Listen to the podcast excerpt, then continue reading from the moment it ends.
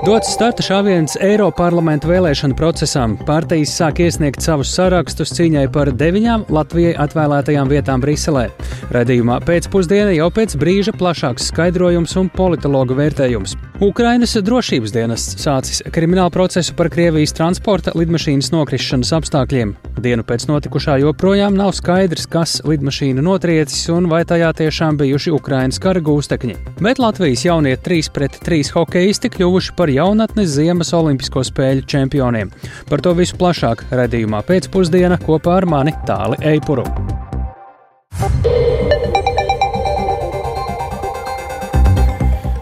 Pūkstens rāda 16,5 minūtes, skan pēcpusdienas ziņu programma, skaidrojot šodienas svarīgus notikumus studijā Tālis Eipurs. Labdien!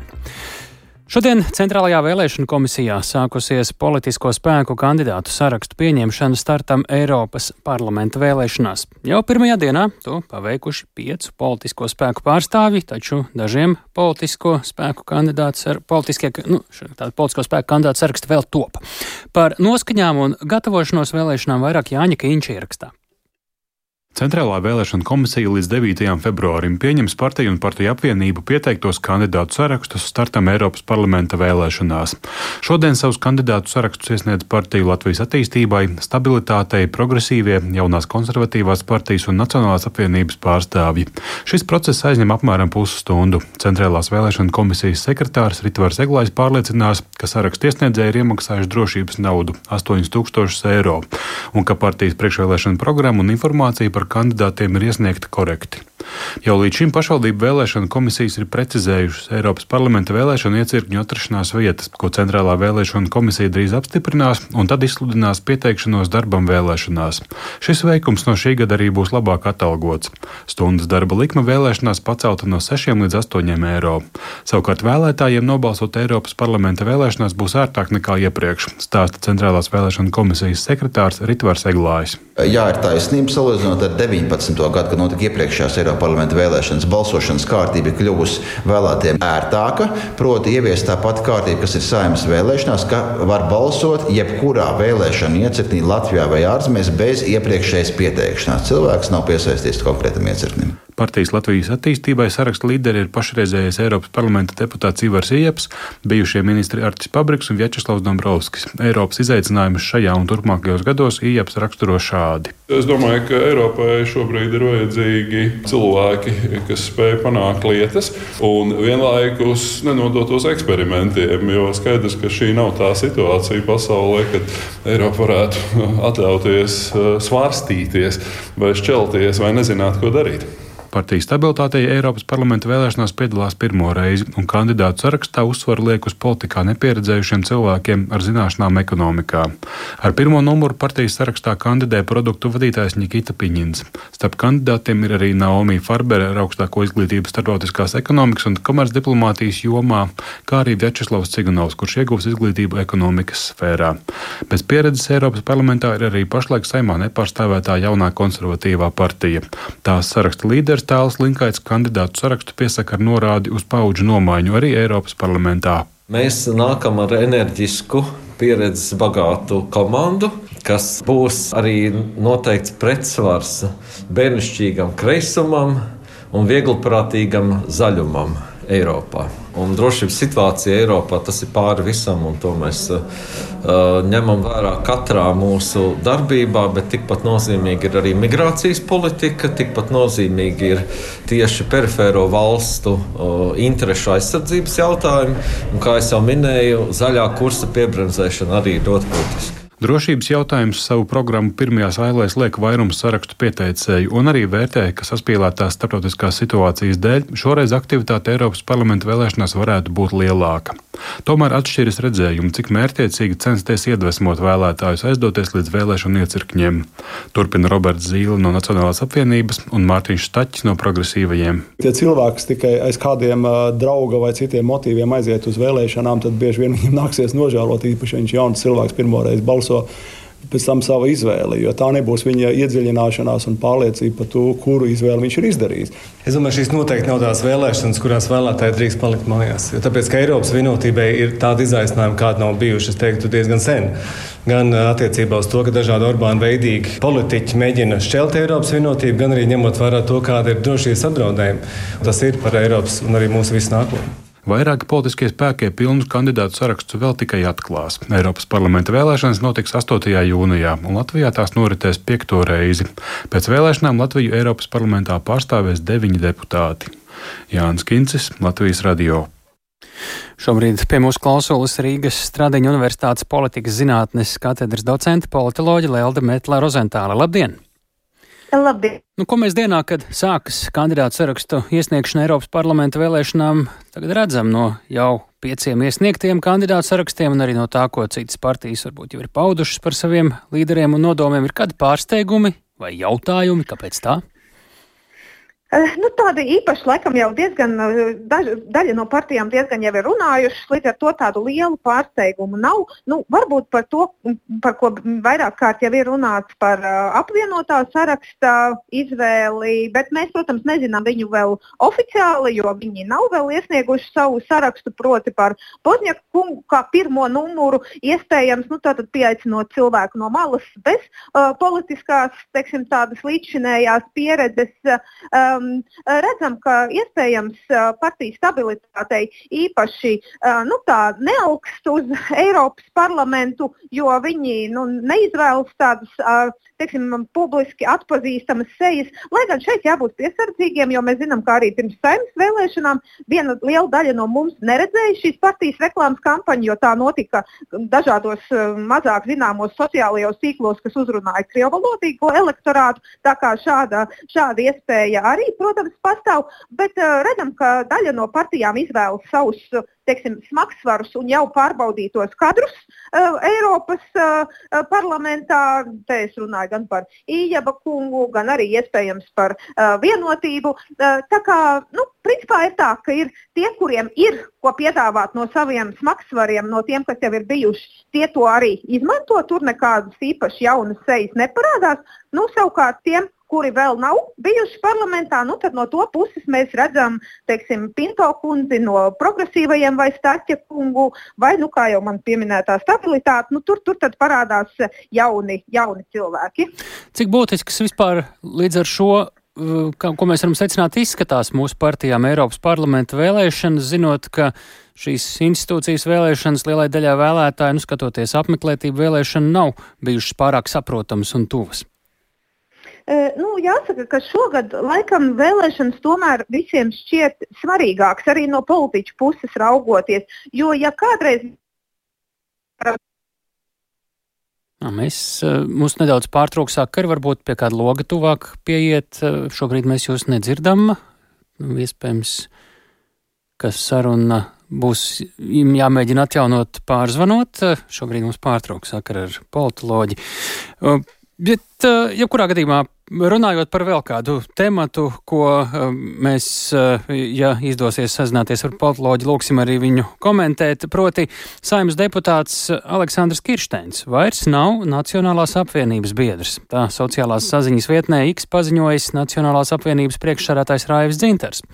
Viens no iemesliem ir bijusi arī Kirsteina piedalīšanās saimnes deputātu delegācijas braucienā uz Ķīnu un arī politiķa reakcijas pēc tā brauciena apmaksāja Ķīna. Vienlaikus sadarbību ar Nacionālās apvienības pārstāvi Edmundu Teirumnieku, kurš arī devās šajā braucienā nesot pamata pārskatīt. Ar skaidrojumu turpina Raivs Dzinters. Sadarbības grūtības ar uh, Kirstēnu kungu mums uh, viens partijas ietvaros ir bijušas ilgstošas. Protams, šobrīd tā situācija ar publiski izteiktiem draudiem Latvijas televīzijā partijas biedram. Ja. Faktiski Šlesijas delegācijas vadībā ar uh, Ķīnas puses apmaksātā braucienā dodoties, neinformējot ne par to partiju, nesaņemot sājumas deleģējumu. Un pēc tam neatzīstot, ka tā ir bijusi kļūda un faktiski arī publiskā komunikācijā ignorējot partijas nostāju Visam šim summējoties, ir izveidojusies situācija, ko mēs vakar jau frakcijā nu, bija jūtams, manuprāt, ka turpmākā atrašanās un, un sadarbība vienas partijas ietvaros nenotiks. Jā. Vai jūs par šo braucienu Ķīnā runājāt arī ar deputātu Teirumnieku, kurš arī tur bija? Un Jā, nu, arī tie, tie paši apsvērumi par saimnes nesaskaņotu viņi, viņi, viņi devās kā privāti personas, līdz ar to šis brauciens viņiem ir jākomentē atsevišķi. Un, un arī Nacionālās apvienības nostāja nav pret Ķīnu vai pret to, ka mums vajadzētu uzturēt diplomātiskas attiecības ar Ķīnu. Mēs esam par to, ka visiem, kas pārstāv Latvijas valsti, tomēr nu, ārpolitika ir jāveido saskaņoti, vienoti. Šobrīd nu, šajā situācijā tie grābekļi, uz kuriem bija uzkauts, bija, bija pietiekami daudz. Tas, ko es varu pateikt īsumā, ka Kirstēna kunga reakcija šo situāciju, tiekoties ar frakciju pēc atgriešanās un tērumnieku kunga reakcija bija ļoti, ļoti atšķirīgas. Ja. Tā kā mums nav ne mazāko šaubu, ka ar tērumnieku kungu turpināsies sadarbība. Tā kolēģim Jānis Kīncim Raivs Dzintars komentē Aleksandra Kirsteina došanos prom no Nacionālās apvienības.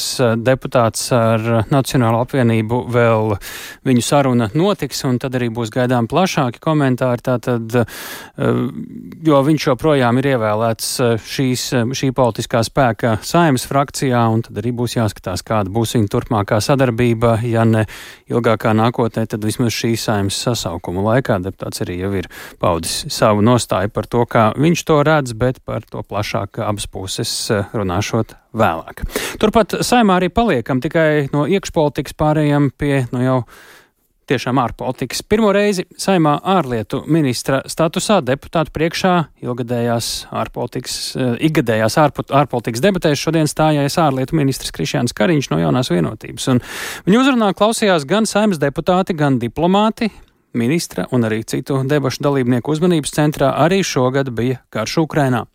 Atbalsta turpināšana, lai tuvinātu Ukrainas uzvaru, un Latvijas drošības stiprināšana bija dažas no lietām, kas izskanēja politiķu runās. Plašāk par to, kas šodien izskanēja saimā, gatavs mums ir stāstīt un komentēt kolēģis Rihards Plūmis. Sveiks, Rihard, kādi tad bija ārlietu ministra galvenie vēstījumi, kas arī debatēs izskanēja?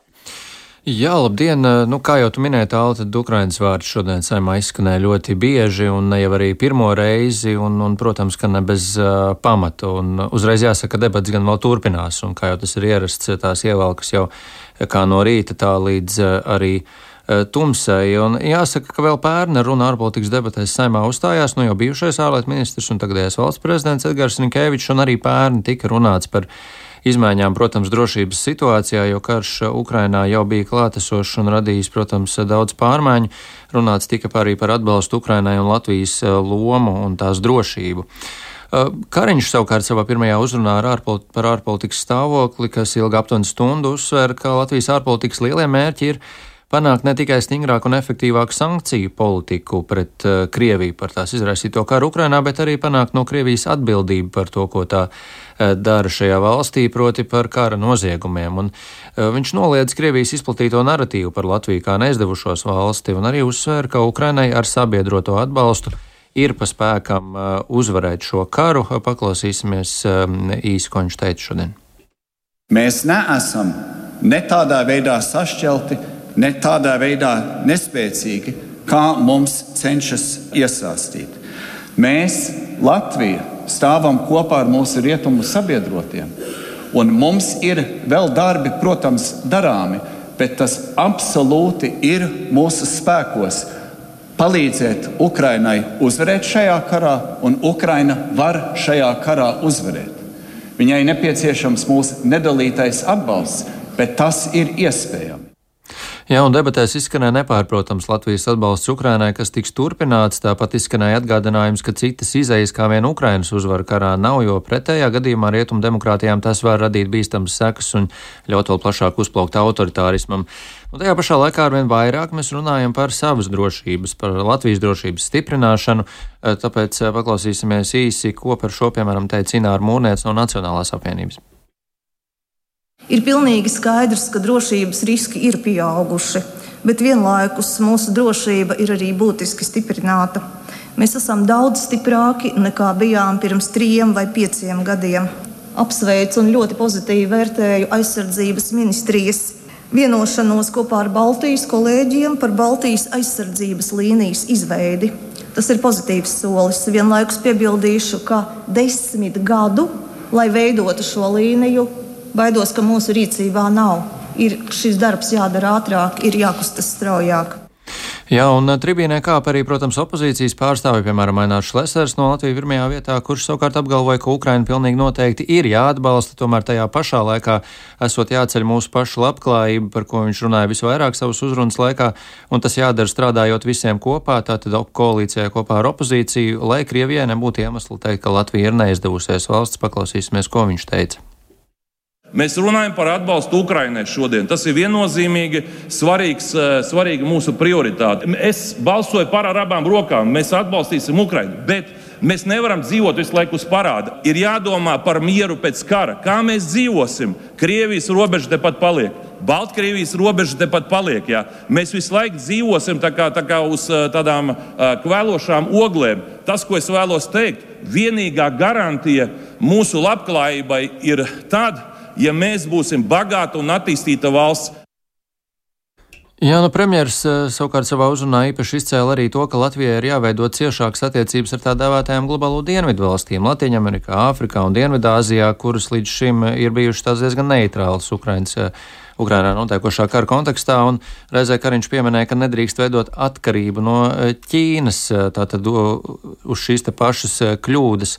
Eh, pamata, kas ir bijis ar Krieviju. Un Šlēsers tikmēr norādīja, kurš arī viesojās Ķīnā nesen, tad eh, kā ekonomiskā attiecība veidošana un stiprināšana ar Ķīnu un arī citām lielām ekonomikām, piemēram, ASV un Indiju, ir ārkārtīgi būtiski, taču konkrēta plāna nav, un tāds esot jāizstrādā kopīgi, jo arī ideju nesot eh, nemaz eh, tik daudz ekonomikas celšanai mums šeit Latvijā.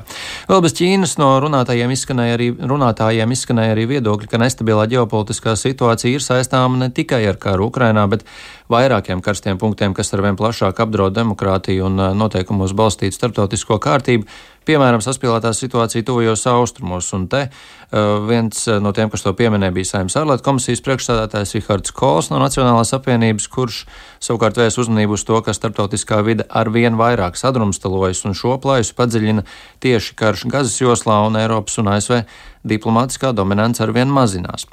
Tātad uh, atbalsta turpināšana Ukrainai, tas tika uzsvērts nemainīgi arī no pagājušā gada, bet šogad vairāk uh, jāsaka, ka saklausījām uh, nepieciešamību stiprināt savu drošību, saprotot, ka karš nebeigsies tik ātri, jo, nu, kā pagājušajā gadā vēl ārpolitisko debašu laikā pirms šī Ukrainas plānotā pretuzbrukuma, saprotam, bija tāds lielāks optimisms. Un saprotam arī to, ka Krievija strādā pie savu militāro spēju atjaunošanas, tāpēc arī mums ir jāpacenšas.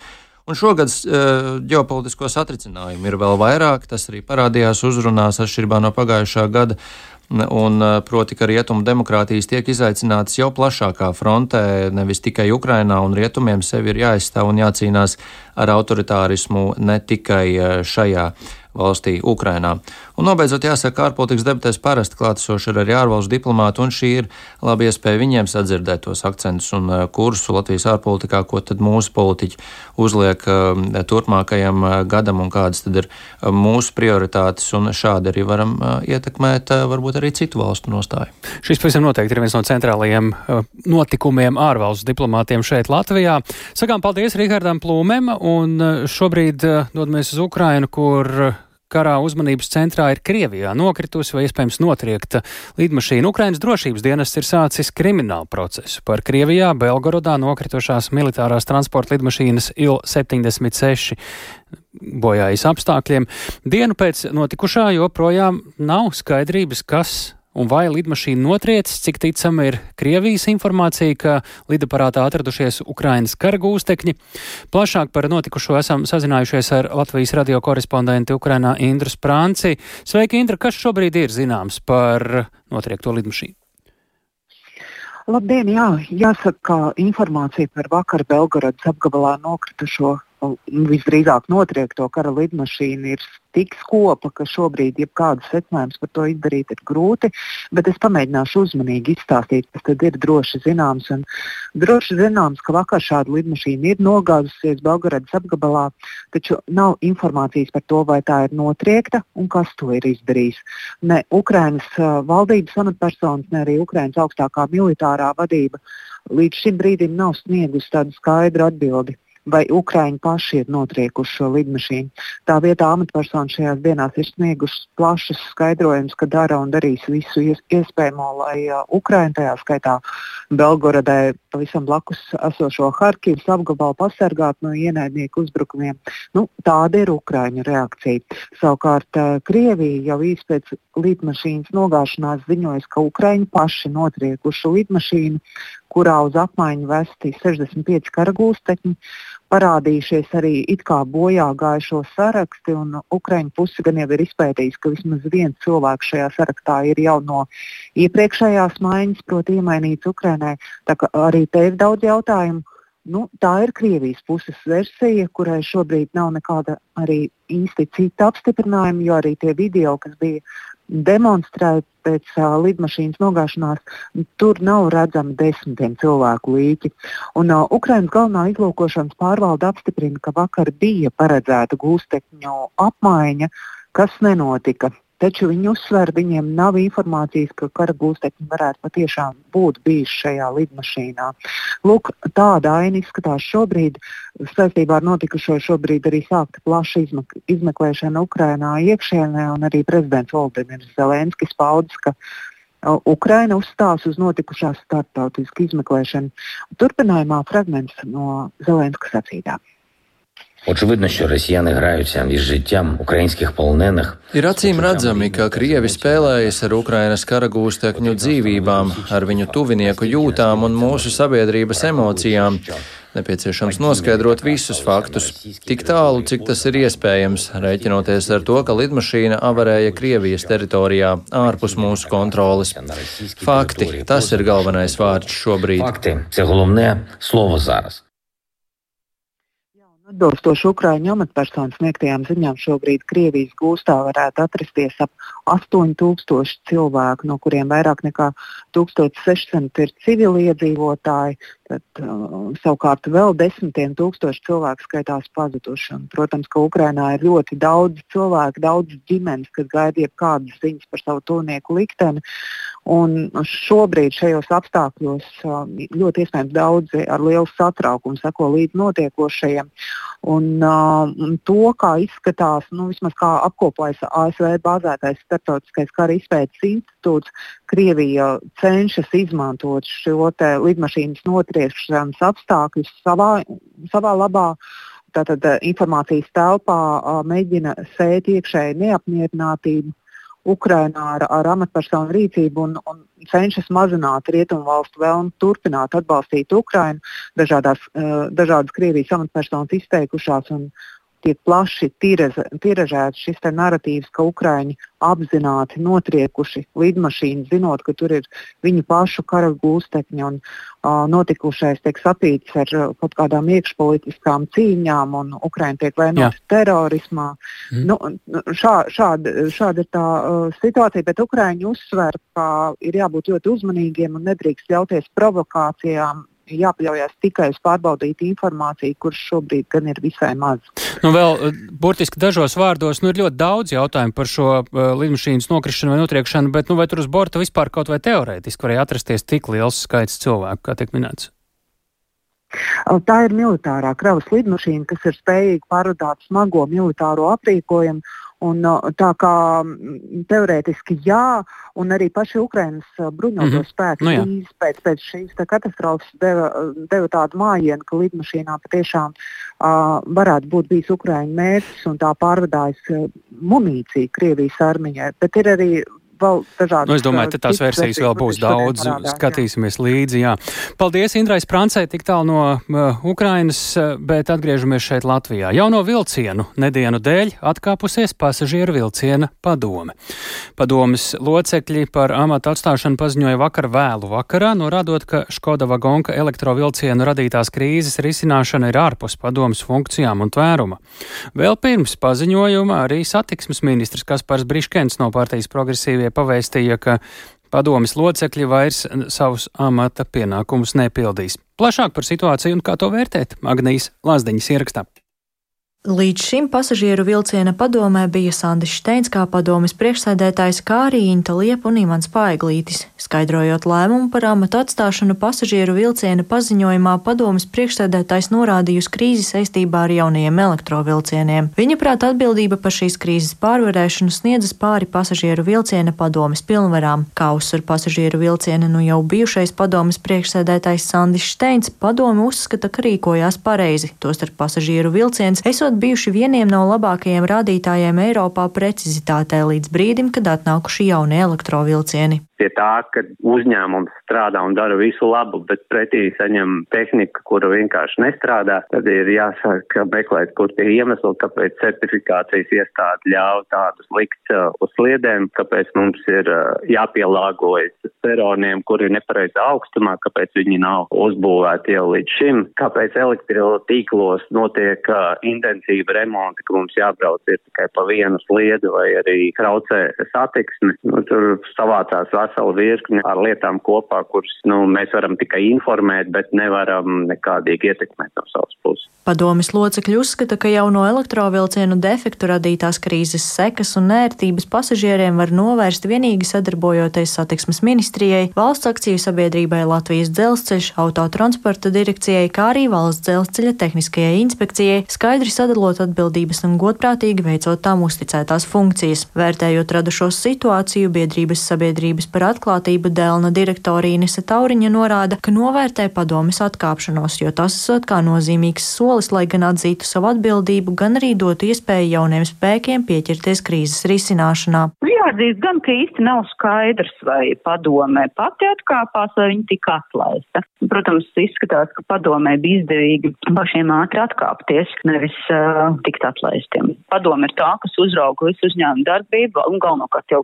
sadarbojoties ar valdi, un tad nu, šim līmenim, protams, ir daudz praktiskāk jāstrādā pie krīzes risināšanas. Un šajā gadījumā nu, padomība ir tā, kas aizstāv šī akciju turētāja jeb valsts intereses. Tad satiksmes ministrijas uzdevums ir atrast tādu padomu, kur ir gatava risināt šo esošo krīzi un problēmas. Arī Baltijas korporatīvās pārvaldības institūta viceprezidents Andris Grafs norāda, ka esot tikai loģiski, ka padome ir atstājusi amatus. Uzņēmums ir krīzes situācijā, kur padomas loma parasti esot netraucēt vadībai un valdei to risināt, bet atbalstīt, lai no krīzes ātrāk izkļūtu. Šādā situācijā tiešai ietekmei uz uzņēmumu ikdienas darbību nevajadzētu būt. Tas, ko noteikti nevarētu pieļaut, ka mēs padomas vietā, kas tiks ielikt pagaidu padomu, piemēram, atlaiž visu valdi. Manuprāt, tā secība loģiskā būtu tāda, ka tiek tiek novērsta šī krīze, ka iedzīvotāji saņem kvalitatīvu pakalpojumu, pēc tam mēs vērtējam tiešām iesaistīto atbildību, arī valdes atbildību un, nu, tad attiecīgi izvērtējam, pieņem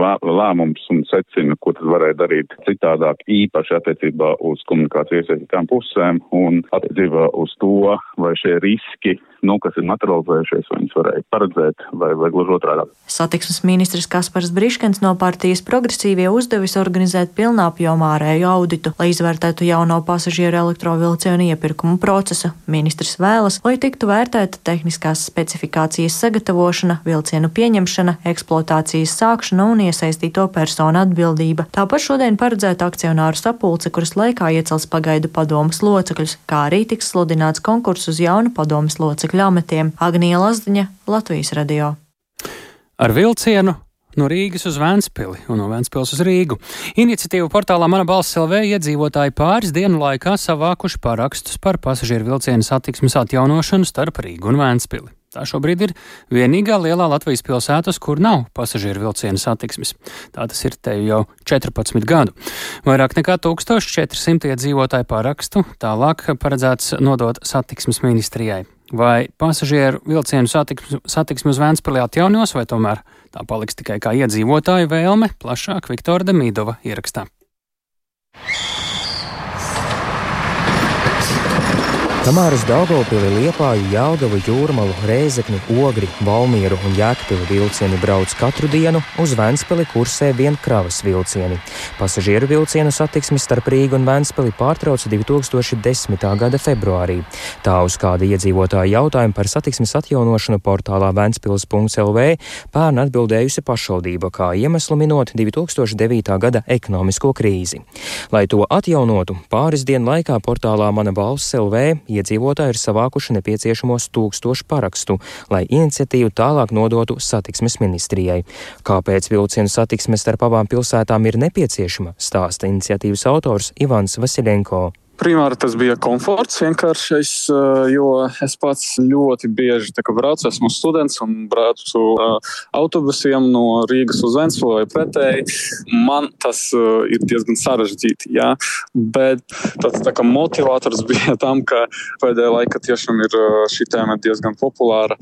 Mums ir jauns zīmoks, VV, Liepa ir paplašināta vilciena satiksme. Es uzskatu, ka var realizēt galvenais pareizi pārdalīt tos resursus. Galvenais jautājums, vai valsts ir gatava braucienus dotēt, uz to norāda Ventspils mērs Jānis Vītoliņš no Latvijai un Ventspilī, atzīstot, ka pašvaldība to nevar atļauties.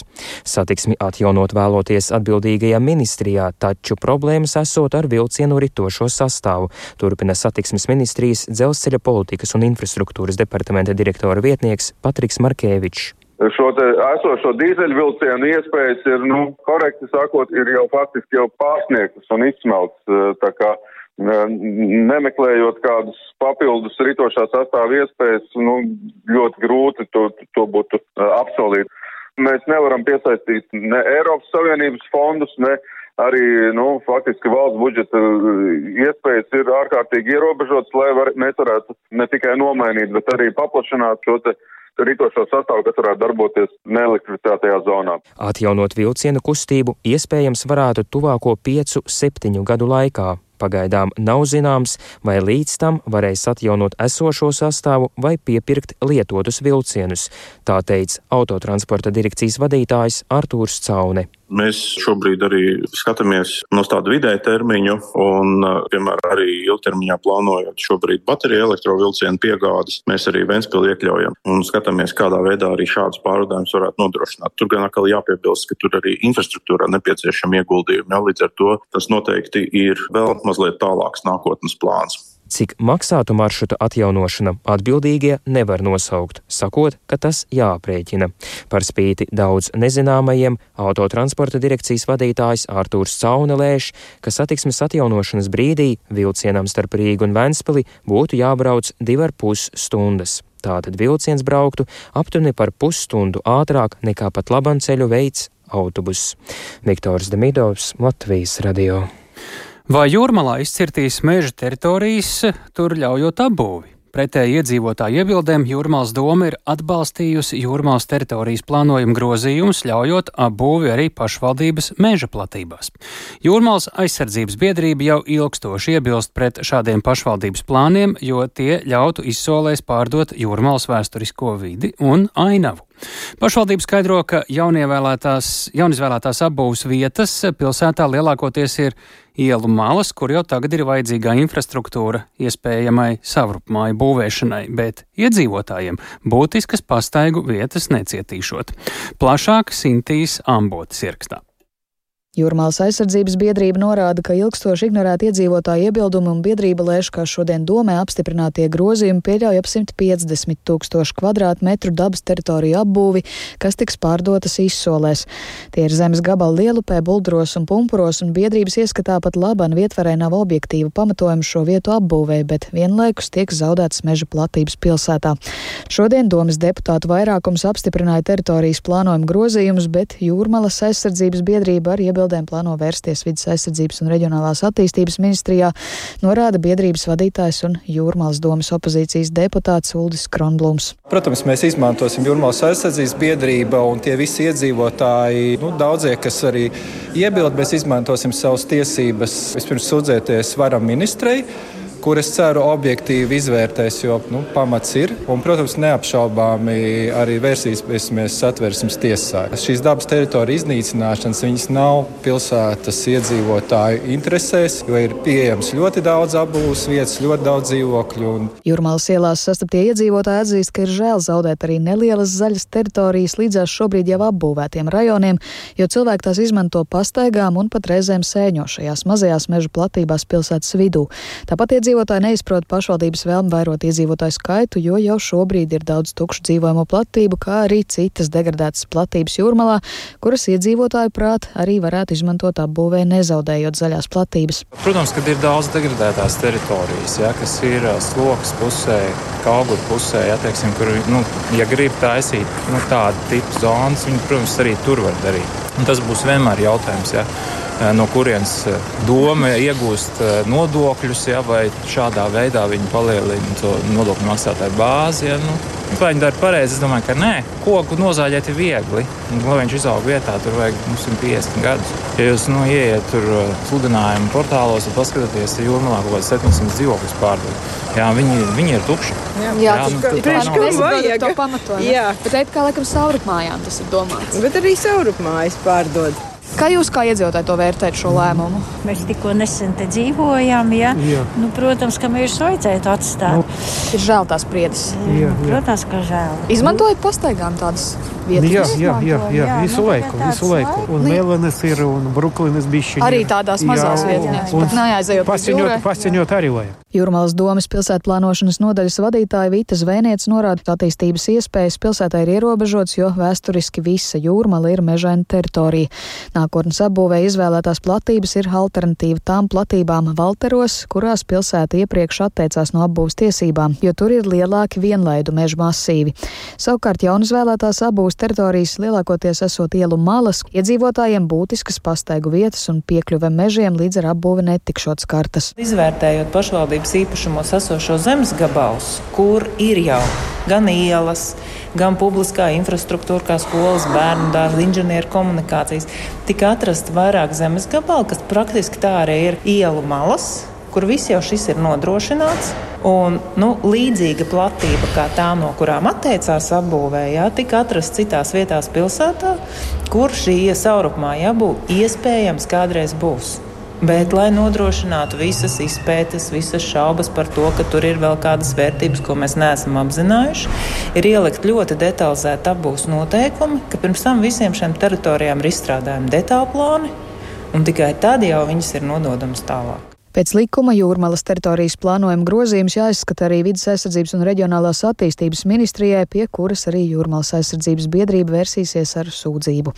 Sinti Ambote, Latvijas radio. Latvijas sportisti atkal kļuvuši par pirmajiem, kas tikuši pie olimpiskā zelta jaunā sporta veidā. Līdz šim lielajās olimpiskajās spēlēs tas bija BMX un 3 pret 3 basketbols, šoreiz Latvijas U16 izlase 3 pret 3 hokejā. Pārliecinoši izcīnījusi zelta medaļas jaunatnes Ziemas olimpiādē. Lai gan uzvaras eh, uz tablo bija diezgan pārliecinošas, tās eh, nav nākušas vieglā ceļā, un zinātāji saka, ka šis panākums arī nav nejaušība. Turklāt arī tāpēc zināms, ka Latvijas Hokeja federācija plāno veidot 3 pret 3 hokeja turnīrus arī visā Latvijā. Tāpēc pie mums arī šobrīd pievienojas Lotārs Zariņš. Lotārs saka, iesākumā izstāst vairāk par Latvijas tieši U16 zeltu. Uh, Korejā jaunatnes olimpiādē rezultāti liecina, ka tas tāds likumsakarīgs eh, panākums, eh, bet varbūt eh, nemaz tik viegli tas nenāca. Kā tu teiktu? Jā, nu, rezultāti tiešām bija lieli, bet viegli nenāca. Nu, kopā to gūto un ielaisto vārtu attiecību Latvijai diezgan graujoša. 148 vārtu iemest un tikai 40 ielaist. Vidēji mačā Latvijas hokejisti gūs 16 vārdus. Pret Dānijas vienaudžiem šorīt jā, Latvija aizdīja finālu un arī pārliecinoši uzvaru ar 10 pret 3. Pie tam komandas kapteinis Olivers Mūrnieks kopā turnīrā guva 34 vārdus. Visās deviņās spēlēs Latvijai tikai panākumi. Kopumā izlasē piedalījās 13 hokeisti, no kuriem trīs eh, spēlēja ārzemēs. Mārtiņš Klaucāns no ASV un savukārt eh, Daniels Reidzāns un Mārtiņš eh, Bārtuls spēlēs Šveicē. Jā, nu, lai pienācīgi tieši sagatavotos šim turnīram, diezgan ilgi tika aizdīts arī treniņu process, kur vadīja galvenais treneris Lauris Dārziņš un Jānis Sprūks. Tā kā sezonas laikā hokejisti jau vairāk kārtas sanāca. Tālāk. Jā. Šobrīd kādas tad pēc, tas ir liels panākums Latvijas šī hokeja eh, paveid, šajā hokeja paveidā, bet kādas tad ir vēl ieceras 3 pret 3 eh, hokeja eh, formātam Latvijā tepat? Gatavojoties turnīram, Latvijas Hokeja federācija iegādājās speciālas laukuma apmales, lai pēc iespējas arī vairāk pietuvotos šim turnīra apstākļiem. Protams, šīs apmales arī paliks Hokeja federācijas rīcībā. Un sagatavošanās Omaskajām spēlēm bija tas viens no federācijas posmiem, bet ja federācija ir iecerējusi veidot tādu pamatīgāku bāzi, proti sagatavot jaunos hokeistus līdz U16 vecumam. Un par nākotnes iecerēm saistībā ar 3 pret 3 hokeju vairāk stāsta Latvijas Hokeja federācijas prezidents Aigars Kalvītis. Kad mēs saņēmām šo uzaicinājumu piedalīties eh, Jānis Olimpijādē, nu, pirmais, ko mēs darījām, mēs nu, mēģinājām nodrošināt apstākļus, kādi būs pietuvināti šim sacensībām. Tāpēc šo bortu iegāde, nu, cerams, ar Olimpiskās komitejas palīdzību, jo pašais mēs kopīgi to darām, bet nu, tie borti ir jau un vairākas trījus nomets ir novadīts, un mēs komandu sagatavojam pilnvērtīgi, un to varēja redzēt. Un es domāju, ka tas viss tālāk arī turpināsies, tāpēc mums nākošais sezona jādomā arī par kādam Latvijas mērogu, vai tas būs kāds Latvijas kauss, kas tiks izspēlēts kaut kādās gribētu teikt, vairākās nedēļas nogalēs vai kā. Droši vien mēs par to domāsim, jo mēs esam aprīkoti šobrīd, lai šādas turnīrus varbūt vienīgie šajā reģionā varētu organizēt. Tas bija Hokeja federācijas prezidents Egars Kalvīts. Noteikti jāpiezīmē, ka līdz ar Hariju Vītoliņu stāšanos amatā Latvijas pieaugušo izlasēm tika ieviest arī jauna talantu izcilības programma, kur trīs reizes sezonā sapulcējas visu Latvijas hokeja klubu labākie spēlētāji vecumā no 12 līdz 16 gadiem. Tā kā šis turnīrs noteikti vēl vairāk motivēs nodarboties ar hokeju. Tāli. Paldies Lotāram Zariņam par labām ziņām hokeja pasaulē.